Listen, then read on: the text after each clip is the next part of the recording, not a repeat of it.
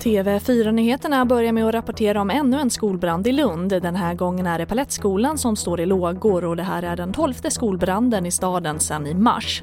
Polisen har spärrat av området och misstänker att branden är anlagd. Och mer om det här kan du se på TV4 Play.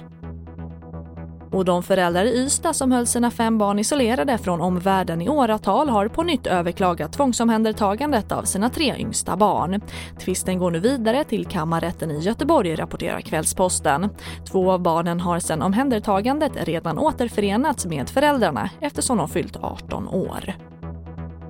Och tre månader efter coronapandemins peak är det nu färre än 100 patienter som vårdas på sjukhus, geriatrik eller i intensivvård i Region Stockholm.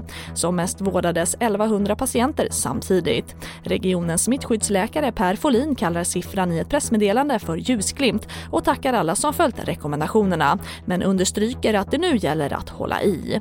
Och det var det senaste med TV4 Nyheterna. Jag heter Charlotte Hemgren.